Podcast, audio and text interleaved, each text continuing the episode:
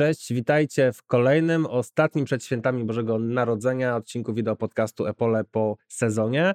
Tematem dzisiejszego odcinka jest rolnictwo ekologiczne. I dlatego do tej rozmowy zaprosiłem Pawła Głąbę, autora kanału Szlakiem Rolnika. Cześć, Cześć, Paweł. Witam Was wszystkich, cześć, witam Cię Paweł. Cześć Paweł, miło Cię widzieć po tym prawie roku, odkąd się widzieliśmy u Ciebie na gospodarstwie, na Twoich pięknych polach, które zostawiły mi w głowie ślad.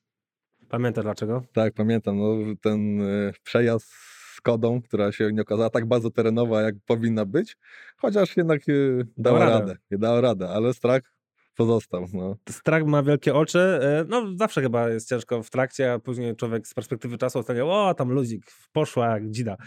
tak mi się wydaje. No wiesz, mój tato w ty, tą trasę robi Passatem B5. Także no, to jest w ogóle inny level. Ale, ja Ale nie doświadczenia. odważył. Co to jest lata doświadczeń, tak, dokładnie. E, Wiesz co, chciałbym z Tobą porozmawiać na temat tego, czy łatwo, czy trudno jest prowadzić e, gospodarstwo ekologiczne w Polsce.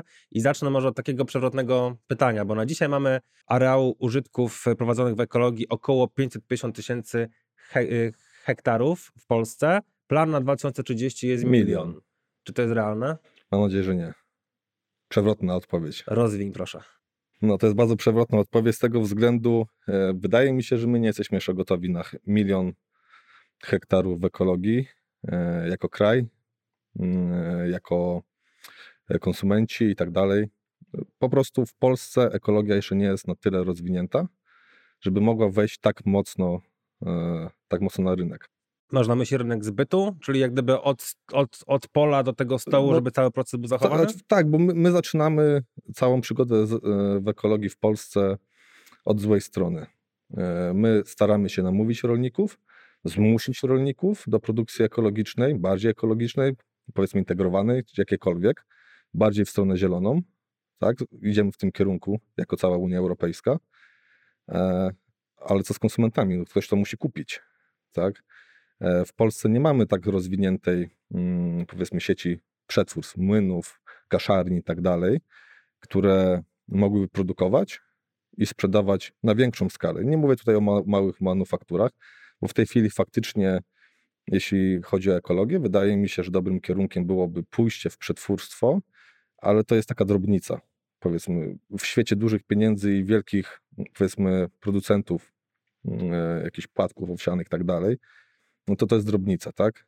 Nie jesteśmy na to jeszcze gotowi i nawet kaszarnie e, czy jakieś młyny w mojej okolicy, które się zajmują przetwórstwem ekologicznym, de facto robią dla mm, e, klientów e, z Niemiec, tak? Po prostu oni produkują i pod ich logo ten produkt wychodzi. To nie jest nasz produkt, nie jest polski produkt i tak dalej. I to widać na przestrzeni lat, jak, jak tego towaru na rynku naszym przybywa. Mówię tu o zbożach ekologicznych i jakiego jest, zaczyna, jakie są teraz problemy z jego e, sprzedażą. I myślę, że tutaj będzie najlepszym przykładem. Ja to mówiłem też na swoim kanale często. Jeszcze niedawno, tak 5 lat temu bym powiedział, e, często bywało tak, że kończyliśmy na początku września żniwa. Ja w październiku miałem puste magazyny. Wszystko wyjeżdżało ode mnie. E, Woziliśmy do Grecji, do Francji, do Niemiec, do Czech po prostu rzadko do Polski. To, to też widać jakąś, jakiś trend, tak, że to nie, dalej nie jest Polska, tylko eksport, e, ale po prostu się zabijali o ten towar. Dzisiaj zadzwonisz i powiesz, że masz tyle i tyle towaru ekologicznego. Kwiecień, maj, albo w ogóle, bo mam nadwyżki. Do tego doprowadziła polityka zachęcania, w cudzysłowie zmuszania rolnika do produkcji towaru, którego nikt nie chce kupić teraz z różnych powodów. Mamy ciężką sytuację ekonomiczną i wydaje mi się, że e, produkty ekologiczne, które, no nie oszukujmy się, one w hierarchii produktów spożywczych mają być produktem premium. Więc kupują mm, e, to ludzie albo bardziej zamożni, albo ci, dla których jakość żywności, którą kupują, jest ważna. Ale w momencie, kiedy mamy kryzys i ka- każda złotówka jest oglądana dwa razy, to to nie jest jednak pierwsza potrzeba. No, tym bardziej w czasach, kiedy chleb kosztuje te nawet już kilkanaście złotych, tak? Często gęsto, to ile by mu- by musiał kosztować chleb e, z, gos- z gospodarstwa ekologicznego. No, prosty przykład, prawda? Więc... Tak, no to dokładnie tak to wygląda. Ale to troszeczkę może przejdźmy mm, w tej naszej rozmowie, bo zacząłeś grubo. Mm, Tak, chciałem zrobić wrażenie. na I udało się tobie, ale faktycznie może spróbujmy chociażby pokazywać te dobre strony, bo to jest problem, duży problem, o czym wspomniałeś, ale przejdźmy jak gdyby na te elementy, na które dzisiaj ty czy ja mamy wpływ, czyli tak gdyby cały proces działalności e, prowadzenia uprawy, tak? Ale chciałbym, żebyś na wstępie powiedział o swoim doświadczeniu, bo dla wielu możesz być młodym człowiekiem, e, który na tym świecie żyje te 30 kilka lat, ale to doświadczenie masz już spore i na pewno też to doświadczenie wynika z tego, że gospodarujesz razem ze swoim tatą. Powiedz mi, jak długo macie mm, gospodarstwo w tym trybie ek- jak gdyby ekologicznym e, i, jak gdyby jak wygląda historia waszego gospodarstwa? E, Gospodarstwo ekologiczne prowadzimy jakieś 15 lat. Tak? Ja wziąłem czynny udział jakby w gospodarstwie, zacząłem pracować w nim od 2013 roku, od września. Pamiętam to jak dziś. To, to był pi- pierwszy raz tak naprawdę. Moi rodzice zawsze się starali, żebym nie był rolnikiem. Robili wszystko, żeby Paweł nie został rolnikiem, ale w tym wrześniu 2013 roku Paweł wsiadł w traktor I się zakochał. i się zakochał w tym. I, i zostałem między innymi rolnikiem. E, I się uczę, tak? Uczę się tego fachu. E, I no, nasze doświadczenia są ciężkie, jeśli chodzi o ekologię. I myślę, że to każdego rolnika ekologicznego, bo my nie mamy skąd czerpać wiedzy. E, jeżeli chodzi o jakieś książki, to zazwyczaj dobre książki są w języku angielskim. Dostęp do nich też jest ograniczony. No, nie, nie każdy sobie może pozwolić na czytanie ze zrozumieniem e, książki napisanej w języku angielskim, jeszcze językiem technicznym. No to to już w ogóle jest inna sprawa. Jest nas mało w mediach, w sensie takich rolników, którzy się dzielą swoimi doświadczeniami, więc ciężko jest kogoś podpatrzeć. A nawet jak jeśli dorwiemy jakąś książkę, czy jakiegoś rolnika, choćby z zagranicy, to dalej to jest zagranica. To jest inny klimat, inne rośliny, inne odmiany, Inne gleby. inne gleby i się nic nie zgadza. To mam pytanie na teraz, takie bardzo szybkie. Jakbyś mógł wymienić dwa, trzy kanały, które ten temat e, opisują, poza twoim, szlakiem rolnika, możemy zrobić lokowanie. Inne w Polsce, w Europie, które oglądasz, którym ten temat podejmują? E, to wiesz co, e, Geiger Farms to jest angielski, e, amerykański, czy Geiger Farms, przepraszam, mogłem pomylić. E, I e, zdecydowanie to według mnie to był najlepszy kanał. On to, teraz z jakiegoś powodu nie, mi nieznanego jest zawieszony. To był Ksawery z gospodarstwa. To byli. Mm, o dziwo, on pojawili się znikąd e, i po, pokazali, pokazali rolnictwo ekologiczne ze swojej perspektywy. Ale oni się pokazali znikąd, ale oni nie byli anonimowi, w sensie kto siedział w ekologii, to tam pana Piotra dobrze znał. To jest jedno z pierwszych gospodarstw ekologicznych w Polsce e, z, z przetwórstwem e, mięsnym, ekologicznym, także to jest, e, no to był kanał, który warto było naprawdę śledzić i z wypiekami na twarzy tam podpatrywałem, co, upra co uprawiają. A to mnie zas- zaskoczyłeś, Mhm. że jest zawieszone, bo, bo myślałem, że cały czas nagrywają. Nie, od roku nie pojawiło się nic na tym kanale, nie wiem z jakiego powodu. Jest to bardzo ciekawym spojrzenie, jest taki kanał, e, jest mało popularny, ma set subskrypcji, e, są trzy ziarna E, i to jest tutaj mm, pan, który pokazuje, ale takie prawdziwe rolnictwo regeneratywne, wiesz, i to jest tak na maksa robione, zero nawozów, tylko tam bez orki i tak dalej, po prostu ma możliwości i środki, żeby się w to zabawić. Tak? Ja sobie nie mam takiego, powiedzmy, mm, e, pola manewru, że mogę zaryzykować i pójść czegoś spróbować. No, to jest też przedsiębiorstwo, głównie rolnictwo, znaczy moje gospodarstwo rolne. I gdzieś tam te wszystkie eksperymenty i inne rzeczy muszę robić wolniej, rozważniej. No i też klimat, y, myślę, w którym ty gospodarujesz, to on też jest dosyć specyficzny i myślę, że w wielu, wielu momentach, dodajmy klimat podgórski, może być ograniczenia, prawda? No jest wielkim ograniczeniem. No, moje pola znajdują się nawet na wysokości 500 metrów nad poziomem morza. E, Weźmy pod uwagę, że praktycznie od września, no ten rok był wyjątkowy chyba, jeżeli chodzi o temperatury, ale zazwyczaj no w październiku zboża już u nas kiepsko rosną, a nawet jak rosną, to temperatury nie pozwalają na pobieranie składników i widać jak na dłoni, e, jak wszystkie zboża fioletowe się robią, tak? No bo nie, nie, nie pobieramy składników, tak? Raczej rośliny nie pobierają składników. E, szybciej mrozy, e, dłużej, dłużej pokrywa śnieżna, mniej słońca, niższe temperatury, dużo więcej deszczy. To determinuje całkowicie inne zachowania e, w polu niż, niż w jakimkolwiek innym regionie. Powiedz mi, Paweł, e, gdyby ktoś chciał dzisiaj mm, przekwalifikować swoje gospodarstwo z tradycyjnego na ekologiczne, to jak wygląda ten proces przetransformowania swojego gospodarstwa? No wiesz co, no to zależy, czy y, chce iść e, w 100%, e, czy tylko część gospodarstwa przeznaczyć na produkcję ekologiczną. Bo tu będą się pewne rzeczy mogą się gryźć, mm, ale powiedzmy, że na, na, w pierwszym przybliżeniu przechodzimy całkowicie na gospodarstwo, na mm, rolnictwo ekologiczne, no to musisz, chyba najprostszą sprawą jest znaleźć odpowiedniego doradcę rolno-środowiskowego, który napisze program, zgłosi nas, no i Mm, e, przechodzimy i znajdzie nam jednostkę certyfikującą, co jest bardzo ważne, e, która będzie nas kontrolować e, co roku i wydawać mm, odpowiednie certyfikaty. No i teraz zaczynają się mm, przygody.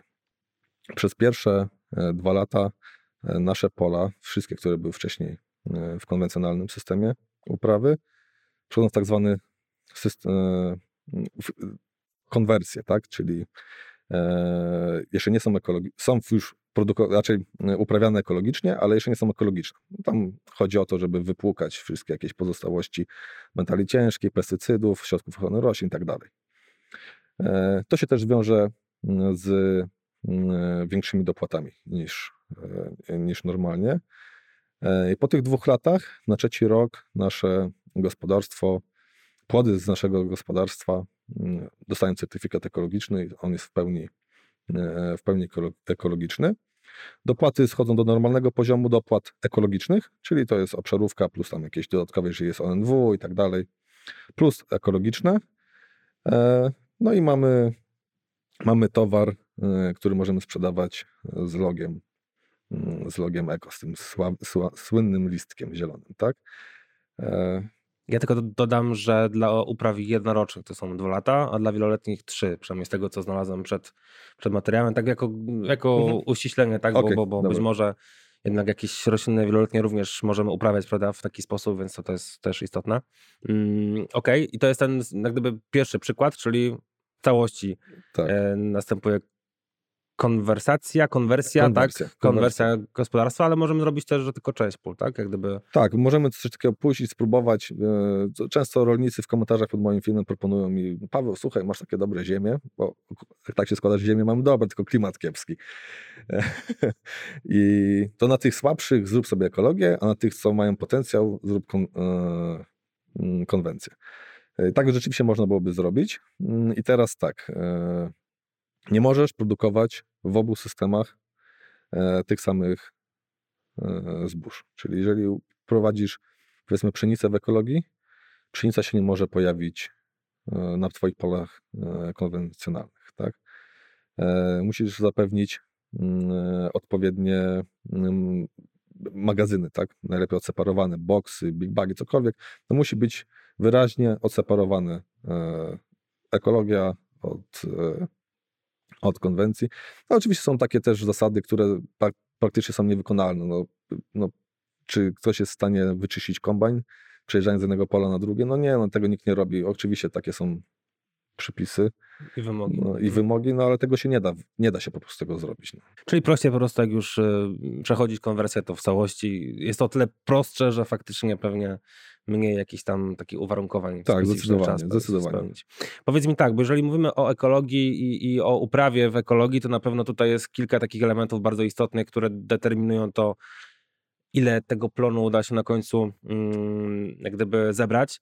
I tutaj chciałbym przedyskutować z Tobą dzisiaj kwestie płodozmianu, kwestie nawożenia, czy w ogóle uzupełnienia składników pokarmowych, e, kwestie ochrony, czy też zwalczania mm, agrofagów. To wszystko ma istotny wpływ, bo mówi się o tym, i pytanie do Ciebie, czy to jest bójda, czy to jest ściema, czy to jest prawda, że plony z rolnictwa ekologicznego, z gospodarstwa ekologicznego to jest około 30% mm, tylko ubytków w stosunku do, do konwencjonalnego. Faktycznie tak to wygląda? Nie, to jest, to jest 30%. Nie, 30, Czyli nie o 30, nie tylko o 30, 30. Tylko 30%. Okay. Tak uczciwie, śred, z średniej wieloletniej E, tylko wiesz, y, będąc z tobą całkowicie szczerym, to zaprosiliście najgorszą osobę, która może mówić o nawożeniu w gospodarstwie ekologicznym, bo ja nie mam hodowli. Prawdziwe gospodarstwo ekologiczne to jest chociażby tak jak te gospodarstwo Ksawer, Ksawerego i pana Piotra, gdzie jest pełna hodowla i, e, i ta materia organiczna krąży. Tak? Jest pełen obieg e, materii organicznej. Ja sobie radzę od, tego, od tych 15 lat e, bez tego. I to jest ciekawe właśnie, jak sobie radzisz, bo ten twój przypadek przez to, że jest najgorszy, to jest najciekawszy, no bo jednak udaje ci się te plony zbierać no, przyzwoite jak na to, gdzie gospodarujesz. Wydaje mi się, że bardzo przyzwoite. E, szczególnie ten rok był rekordowy w moim gospodarstwie. To pogadamy też o tych takich już szczegółach zaraz. Tak, tak. No, byliście rok temu u mnie. To był rok, kiedy nie zastosowaliśmy w ogóle nawożenia z różnych względów politycznych, dostępności nawozów i tak dalej. Wszystko się poprzewracało do góry nogami. I widzieliście, jakie były uprawy. No, byliśmy dzisiaj oglądali materiał ze żniw, to, to był inny świat po prostu, tak? Jest to możliwe, e, choć zawsze znajdzie się osoba, która skrytykuje, że tak naprawdę to nie jest prawdziwa ekologia. Krytyków zawsze znajdziemy na pęczki, jeżeli tylko chcemy ich znaleźć i usłyszeć, to zaczniemy od podozmianu, bo podozmian to pewnie jest ten pierwszy element, który pozwala tobie też dobrze mm, dopasować te uprawy jak gdyby i do gleby, i do uwarunkowań, i do, nie wiem, występujących chwastów nawet i tak dalej, i tak dalej. Jak wygląda twój podozmian na dzisiaj? Na dzisiaj. Na dzisiaj zazwyczaj to są e, dwa, no w zależności też jak wychodzą e, zasiewy i, i działki, e, ale staram się dwa lata na polu mieć e, zboże, i to może być na przemian albo najpierw płaskórka, potem żyto, może być odwrotnie, zamiast płaskórki może się pojawić orkisz.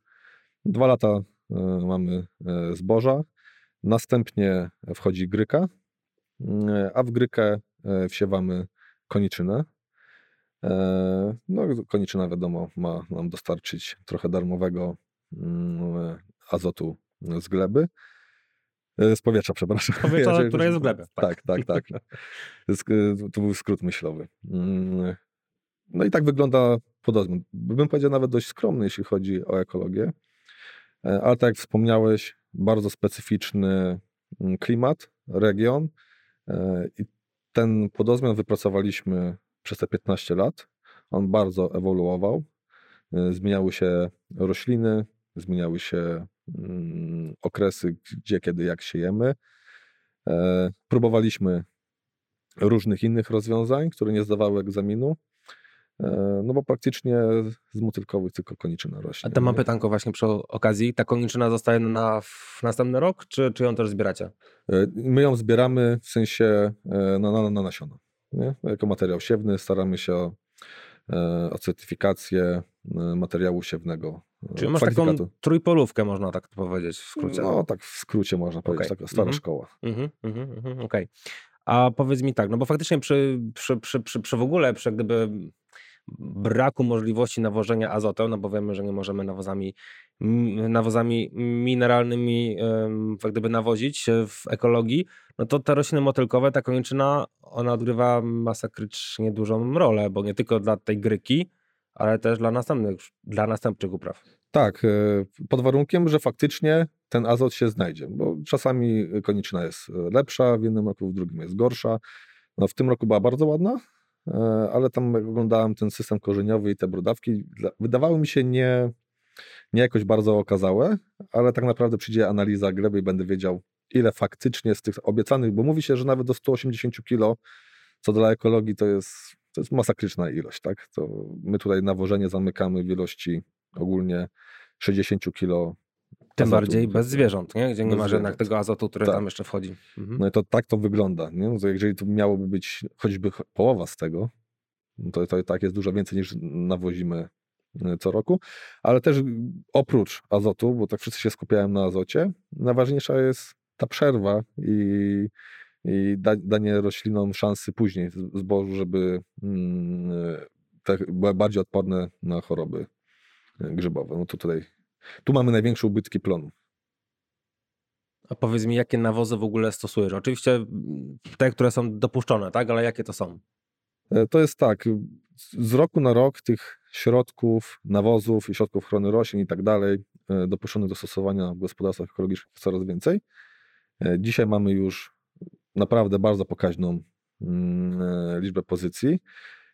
Ja sobie wypraktykowałem mm, stosowanie nawozu płynnego ASR. To jest taki ekologiczny odpowiednik RSM. 8% azotu, 9 siarki. No i jego stosujemy, to jest główny, główny nawóz, który uzupełnia nam e, azot. Jeśli chodzi o pozostałe makro, e, tutaj w historii gospodarstwa głównie posiłkowaliśmy się mm, e, mączką fosforytową w postaci granulowanej, czyli gdzieś tam paleta nawozów z Timaka, PKS 47, G18, to tam gdzieś w granicach 15-13% tlenku potasu i fosforu. Nie? Tak to wygląda. E, no i nasz autorski, chociaż nie jest autorski, bo wszyscy go mogą zrobić, ale nasz taki humus, czyli gdzieś tam zrobiliśmy taki dość duży e, kompostownik, do którego wpuściliśmy kalifornijskie dżownice. Mamy spust mm, jakby wody z tego kompostownika i ten cały taki odciek z tego kompostu również stosujemy mm, na swoje pola. To jest coś fajnego, bo to jest takie moje, coś, co ja wyprodukowałem i może mam hodowlę dżownic, można tak byłoby powiedzieć. e, ale co ciekawe, e, zrobiliśmy badania tego humusu mm, na, na tyle, na ile pozwalały nam środki, bo takie prawdziwe badania kwasów humusowych plus e, ilości mm, bioorganizmów, to są dość drogie badania, ale zrobiliśmy mikro i makro i tak w przybliżeniu jest y, dwa razy lepszy niż komercyjne rozwiązania. Okej, okay, no tak. czyli jakby chwalić, chwalić no, i tak. stosować. A czy dobrze takie możliwości też mieć? Znaczy możliwości, no, te, te możliwości sobie sam stworzyłeś, ale faktycznie no, przy, przy, przy tych ograniczeniach, które są, no to jednak to, co wprowadzimy do gleby jest mega istotne, bo to jednak tak. później oddaje w tym plonie. Ale okej, okay, mówiliśmy o podozmianie, też mówiliśmy o, o nawożeniu, Materiał siewny, bo w ekologii to nie jest tak prosto, że sobie stosujesz swój materiał. E, co musisz zrobić albo w jaki sposób musisz działać, żeby wysiać materiał siewny? E, to więc tak, no sprawa e, jest trudna, raczej jest prosta, jakby tak bardziej się zastanowić, nie jest taka właśnie straszna, bardziej się chyba mm, ludzie niezwiązani z ekologią bardziej się tego obawiają. Możemy stosować własny materiał siewny. Staram się tego unikać, bo zazwyczaj nasz materiał siewny już ma jakieś chwasty, nasiona e, roślin towarzyszących, których nie chcemy.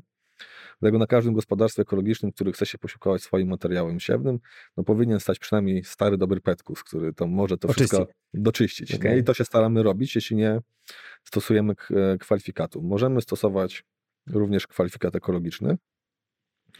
E, z kolei jego dostępność jest bardzo, bardzo ograniczona i nie zawsze E, kwalifikat jest dostępny tej rośliny, której chcę, tego gatunku i tak dalej. Odmiany. E, no i jest jeszcze trzecia furtka, która nam pozwala, z której też lubię korzystać, e, czyli to jest mm, warunkowe pozwolenie na zastosowanie materiału siewnego niepochodzącego z produkcji ekologicznej.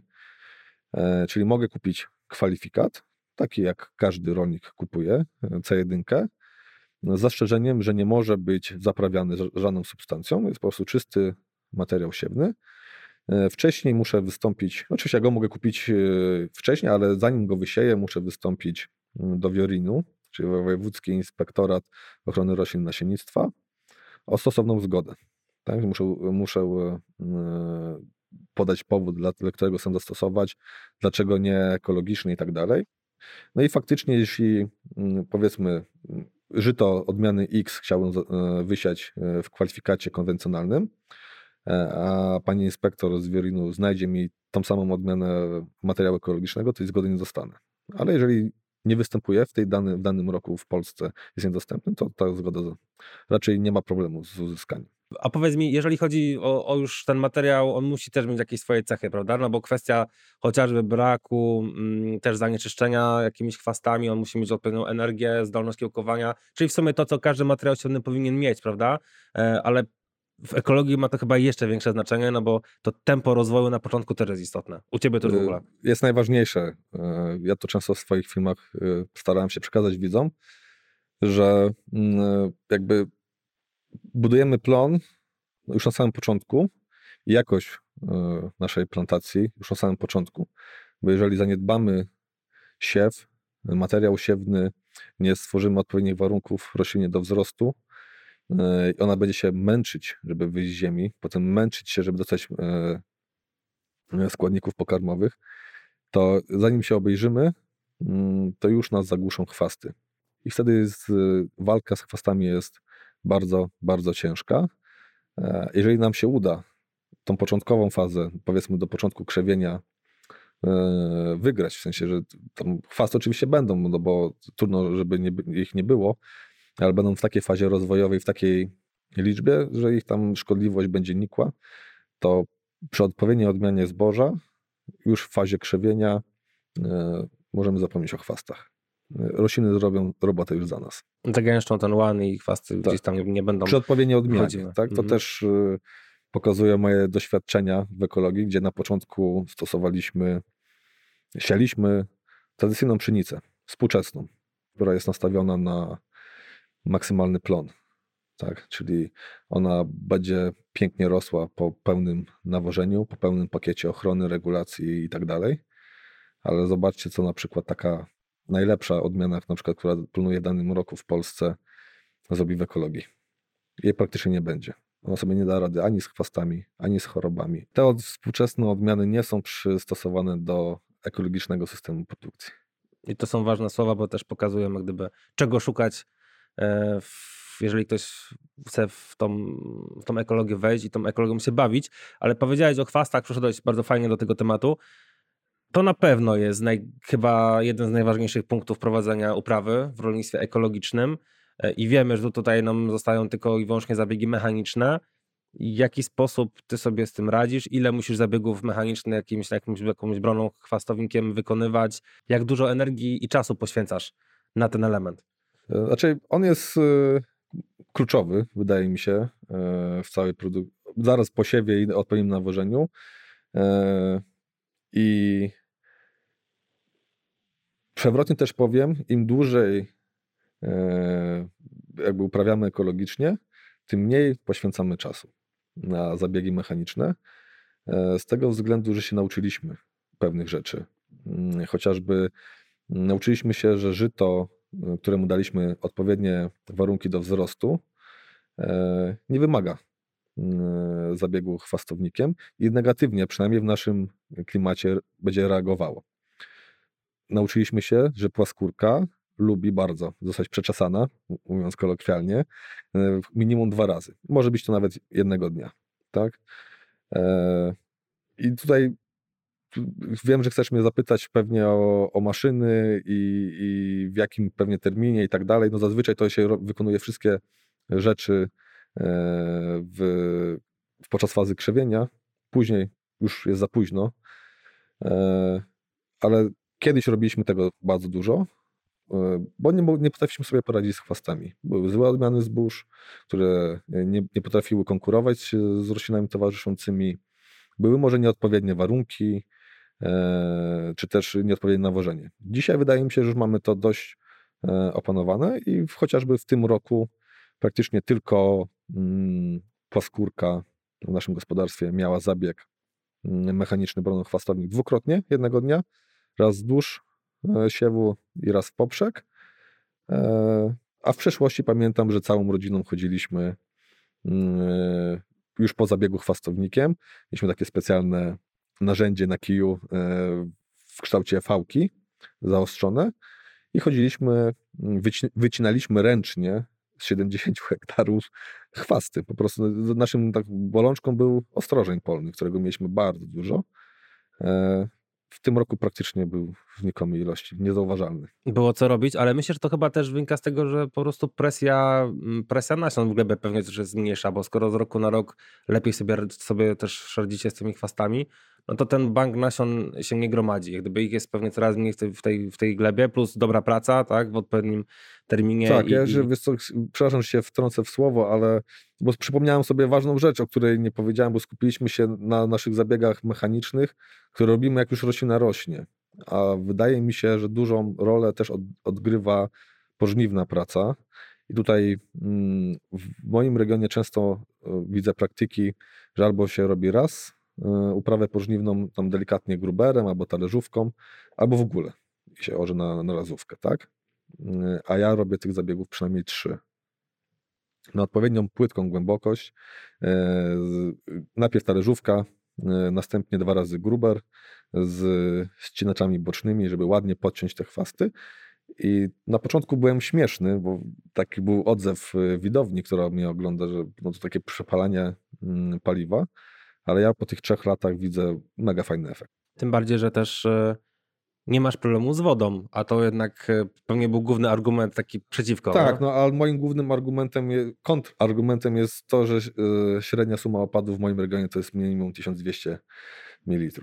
Milimetrów. I pada nawet wtedy, kiedy wydawałoby się, że nie, że nie powinno. Okej, a jeżeli chodzi o choroby grzybowe, jeżeli chodzi o szkodniki, pamiętam, że o chorobach rozmawialiśmy w naszym 30 odcinku Epole do popisu w zeszłym roku. Wspominałeś o kwasach humusowych bodajże, które stosujesz też w kontekście gdzieś tam e, zniwelowania występowania patogenów. E, czy to jest jedyny sposób, czy jeszcze w jakikolwiek inny działasz na, Znaczy, na patogeny tak, no to jest największy problem, wydaje mi się, po y, zachwaszczeniu. Właśnie te patogeny, bo czy będziemy mieli trochę większy czy mniejszy plon, y, ze względu na nawożenie, to, to to jest do przejścia. No, natomiast najważniejsze w ekologii jest to, żeby wyprodukować e, konsumpcyjny produkt, tak, o parametrach konsumpcyjnych, czyli y, tam zawartość mykotoksyn musi być dokładnie taka sama jak w gospodarstwie konwencjonalnym i tak dalej. E, No a wiemy, jak niechroniona plantacja, my już wiemy, jak niechroniona plantacja mm, potrafi niknąć w oczach. Naprawdę w naszej historii mieliśmy pszenice, które wyglądały naprawdę na 4, co w ekologii uważam za bardzo fajny wynik. E, A w czerwcu, w momencie, kiedy się one wykłaszały, po prostu nikły w oczach. A co tam najbardziej infekowało? septoriozy. I to tak bardzo mocno, e, i to było widać, że później ciężko było cokolwiek mm, zebrać. I tutaj naprawdę też wiele lat e, jakieś próbowaliśmy opracować swój system. e, I po raz kolejny e, zaczniemy od odmiany. Odpowiednia odmiana e, to już jest połowa sukcesu, a może i więcej. Czyli tutaj wszystkim rolnikom, którzy chcą się bawić w ekologię, mm, bym polecił e, spróbować nawiązać współpracę z jakimś bankiem genów, z uczelnią, która ma dostęp do jakichś starszych odmian. Tak jak ja w tym roku, mm, raczej w tamtym ubiegłym roku, sezonie, mm, miałem e, starą odmianę e, orkiszu niemiecką, której nie potrafię wypowiedzieć, także nie pytaj mnie. Rewelacyjnie, e, rewelacyjnie się zachowuje, jeśli chodzi o zdrowotność, jeśli chodzi o, o walkę mm, z roślinami towarzyszącymi. Tak czy płaskórka, czy żyto, one mają e, bardzo fajną e, odporność na te mm, choroby. Mm, Choć mm, choroby się pojawiają. Tam mieliśmy e, doradcę w tym roku z Chemirolu na naszych polach, który oglądał nasze uprawy ze względu na to, że stosowaliśmy jakieś tam pro, pro, produkty oparte na mikroorganizmach. Bodajże Bactogistop, tak to się chyba nazywa ten produkt. Mm, No i było wyraźnie widać, że tam, gdzie nie zastosowaliśmy, e, to i mączniak się pojawiał. I mimo, że uprawy na pierwszy rzut oka się mm, wydawały e, no, dość poprawne, jak powiedzmy, jak na ekologię, no ale widać, że mimo wszystko, tak, mm, nam tego brakuje, więc po odmianie należy się mm, posiłkować jakimś, jakąś pomocą, tak, więc e, w moim gospodarstwie stosujemy i mikroorganizmy, Z miedzią pewnie też. Znaczy, okej, mikro, myślałem, że elementy, bo tutaj miedź by się fajnie wpisywała, nie? To... E, tak, do, to, do tego teraz e, dojdziemy. Czyli stosujemy, e, mamy taki produkt z aminokwasami, z miedzią i manganem, który stosujemy. E, do tego mamy preparaty e, mikrobiologiczne, e, które te mikroorganizmy mają działać antagonistycznie do mikroorganizmów chorobotwórczych. Ale okej, znaczy to jest też wykorzystanie tych możliwości, które mamy, no bo faktycznie coraz bardziej biologia uderza w duże farmy, uderza w, pozytywnym sensie, tak, że jest stosowana e, i, i faktycznie chyba w ekologii to będzie widać najlepiej, jeżeli działanie jest, bo tam jak gdyby te warunki dookoła są, mm, są najgorsze do jak gdyby wzrostu rośliny, no bo jednak mamy mniej tego boostu takiego związanego z, z rośnięciem na polu i te, te wyniki będzie widać bardziej niż w konwencji, gdzie jednak stosujesz wiele innych rzeczy jeszcze i każda może mieć wpływ.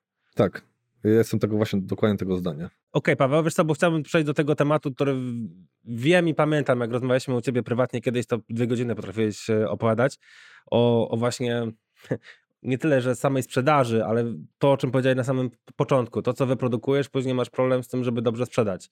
Nie tylko może czasami dobrze, tylko żeby w ogóle sprzedać w jakiejś takiej normalnej cenie.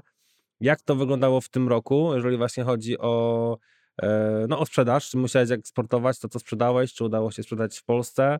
I dlaczego jest tak ciężko? No to zacznijmy od tego, co się udało sprzedać. Może w tym roku. W tym roku się udało sprzedać myślę, że dość dobrze E, Grykę e, i to był e, akurat szczęśliwy los. Gospodarstwo miało potrzebę sprzedania jakiegoś towaru i padło na Grykę i udało się sprzedać przed mocnym tąpnięciem cen. Więc to było takim bardzo mocnym, bo u nas wahania cen są dużo większe niż w systemie takim konwencjonalnym. Daj tak. przykład, bo to zawsze fajnie działa na wyobraźnię. No to tak, Orkisz z tamtego roku powiedzmy, też są różne ceny, ale powiedzmy 2,5 tysiąca, tak? Dzisiaj tysiąc nie sprzedasz, bo nikt nie chce. I myślę, że to chyba robi e, wielką, wra, znaczy wrażenie na kimś, tak? To nastawiasz się, że produkujesz jakiś towar, którego N zbierasz co roku, a nagle połowę z tego, albo w ogóle nie otrzymasz nic, bo jest po prostu tak duża nadwyżka w tym roku orkiszu ekologicznego, że po prostu nie ma gdzie go gdzie go sprzedać. E, ogólnie trend jest e, spadający, malejący w, w ekologii. No tam gdzieś dowiedziałem się w kuluarach, że młyny zagraniczne gdzieś tam ograniczają produkcję produktów ekologicznych o 20%. To jest związane z globalną inflacją i tym, że, tak jak mówiłem, produkt ekologiczny nie jest pierwszym wyborem w sklepie. To jest dobrze, kiedy jest dobrze, kiedy wtedy możesz sobie pozwolić na dobry produkt, trochę lepszy, i mieć poczucie, że zrobiłeś coś, mm, coś fajnego dla siebie, tak, dla swojego mhm, zdrowia, dokładnie. bo ten produkt ma być e, wolny od wszystkich pozostałości. Tak. Czyli możemy powrócić do tego pierwszego pytania e, właśnie z początku naszej, no, naszej rozmowy. Jak tu urosnąć, skoro rynek zbytu zaciska pasa, tak? I jak gdyby nawet e, co z tego, że, że prowadzisz w ekologii, jak nie idzie tego w normalnej cenie czy dobrej cenie sprzedać? No tak, jest to jeszcze dam taki przykład, który chyba też powinien e, na wyobraźnię może osobom mniej związanym z ekologią e, zadziałać.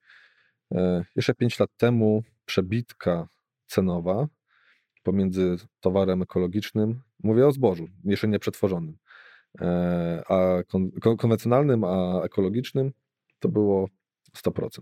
No, powiedzmy pi razy drzwi 700 zł za konwencję, pszenicy na przykład 1400 w ekologii.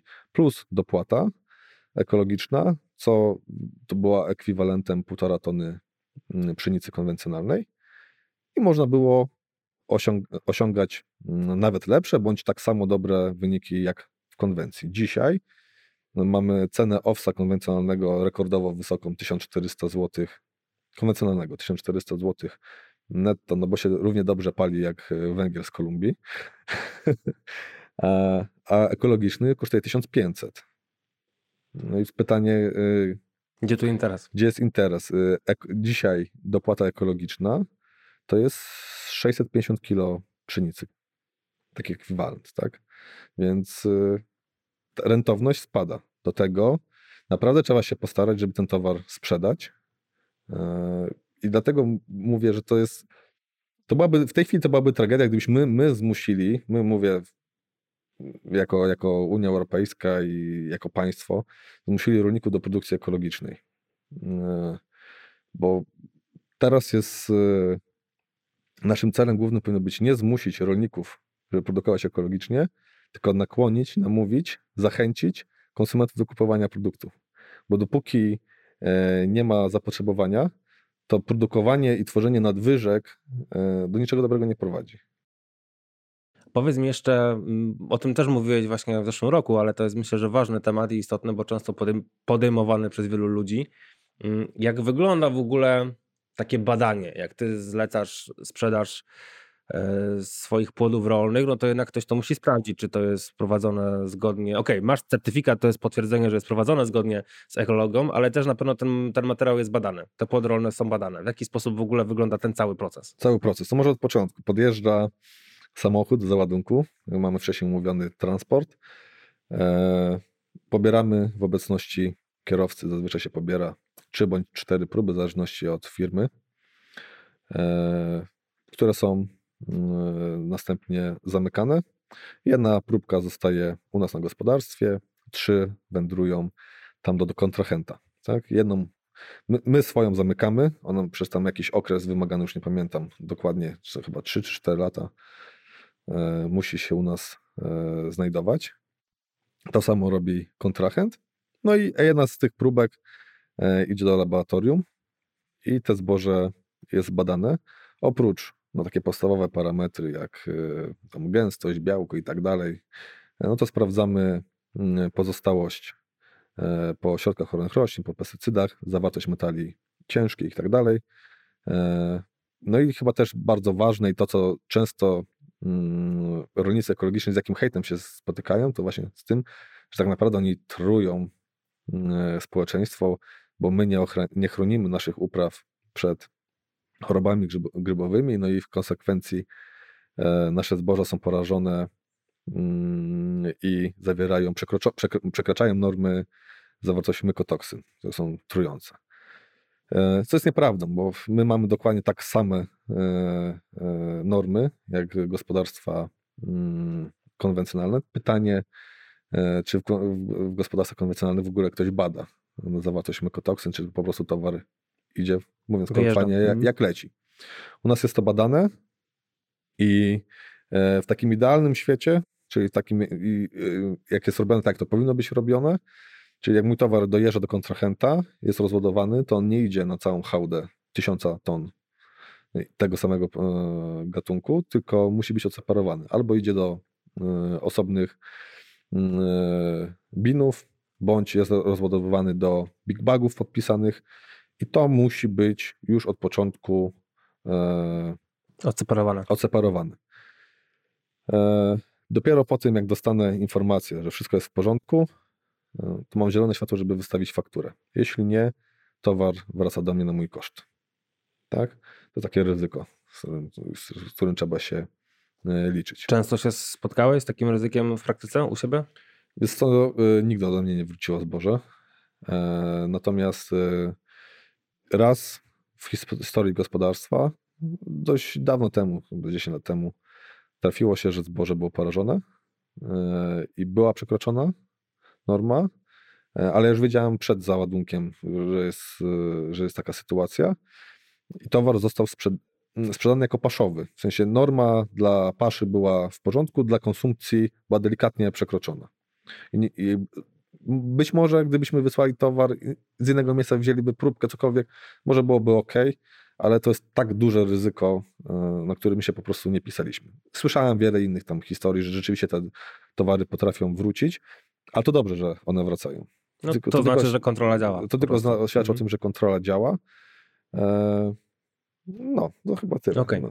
E, dwa ostatnie pytania. I na to pierwsze odpowiedz mi krótko. Jakbyś mógł pochwalić się plonami za ten sezon swoich upraw. Rzuć tak, ile zebrałeś. No, bardzo dużo.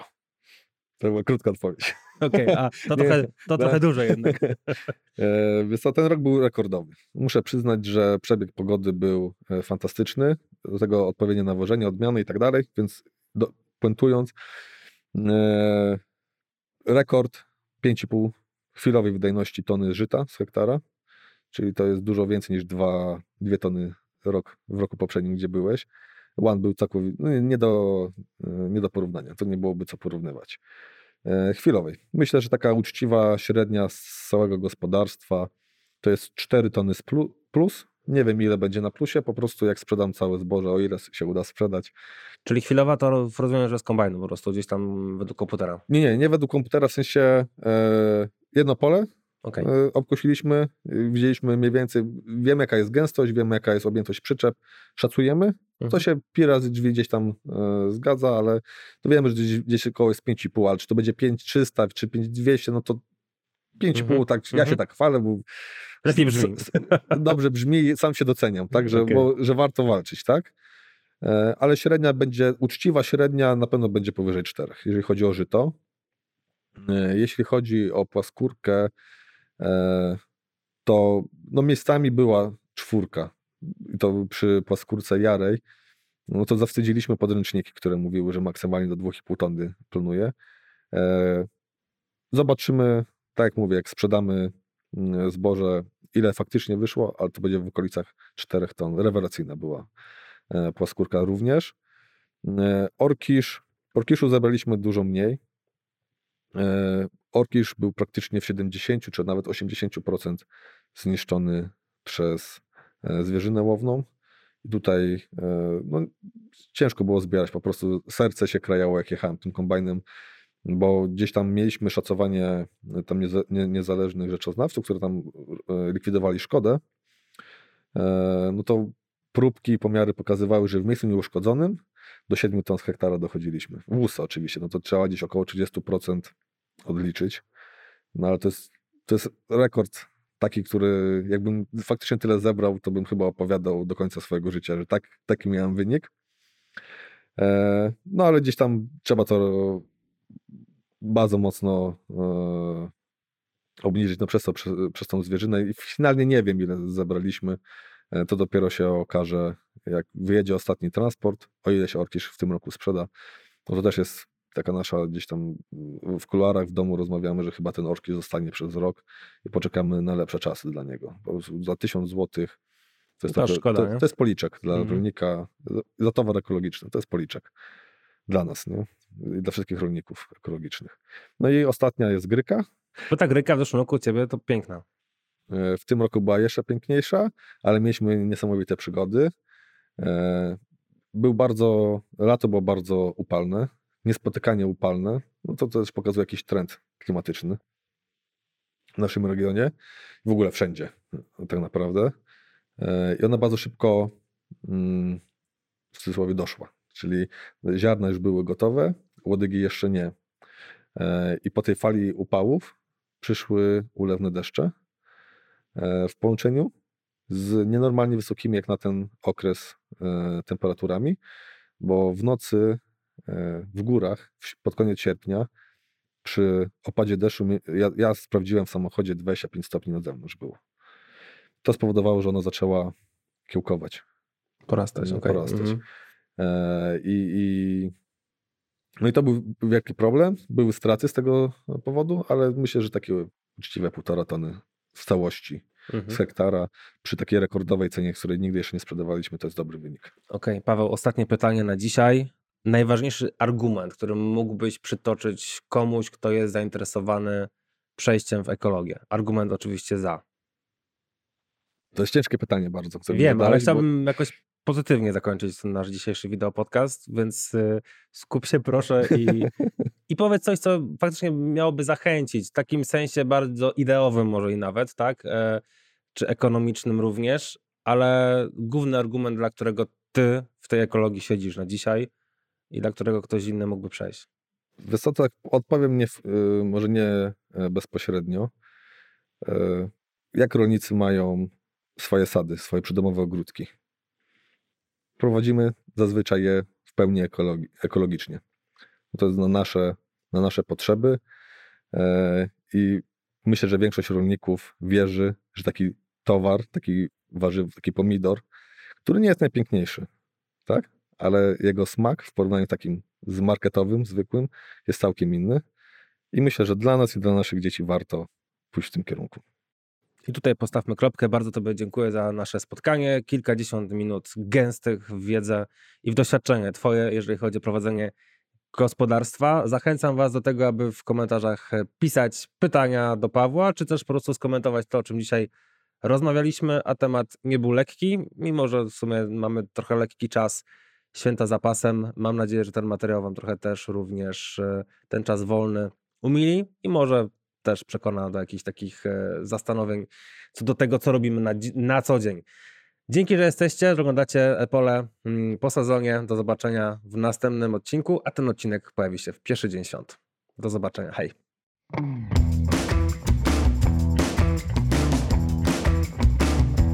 Patronem wideo podcastu Epole po sezonie jest Corteva AgriScience.